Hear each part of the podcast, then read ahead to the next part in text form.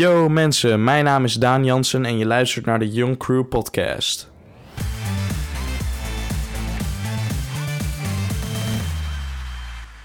Vandaag gaan we het hebben over het creëren van passief inkomen. Je kent het wel, veel mensen dromen er ook van geld verdienen zonder er zelf veel moeite voor te hoeven doen. Is passief inkomen eigenlijk wel zo passief als we denken? Laten we het erover hebben. Passief inkomen is een term die je vaak hoort in de wereld van ondernemerschap en eigenlijk geld. Het idee is simpel: je investeert eenmaal een bepaald bedrag en verdient daarna geld zonder er nog iets voor te hoeven doen.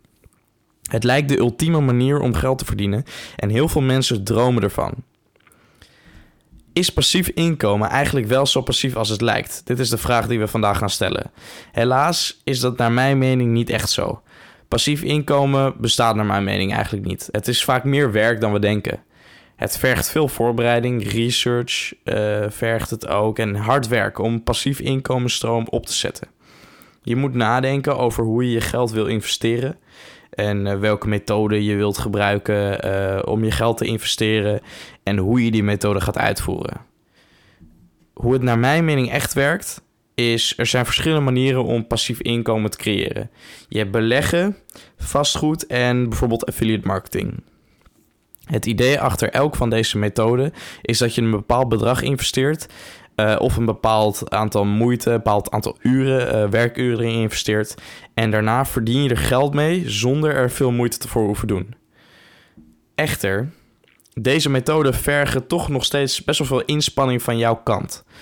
Bij beleggen moet je bijvoorbeeld kennis hebben van de financiële markt en weten welke aandelen je wilt kopen en verkopen. Daarnaast ben je constant bezig met connecties leggen, uh, checken hoe de markt beweegt. Uh, je, je wil nieuws lezen, inderdaad. Uh, je wil van alles, wil je er eigenlijk van te weten komen. Dus je interesse, die wordt eigenlijk je werk.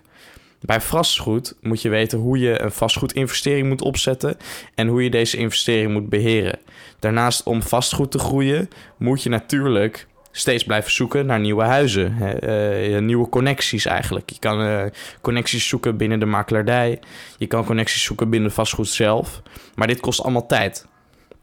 Bij affiliate marketing uh, kost eigenlijk het meeste tijd nog. Dan moet je weten hoe je verkeer naar een website moet krijgen en hoe je producten moet verkopen via die website.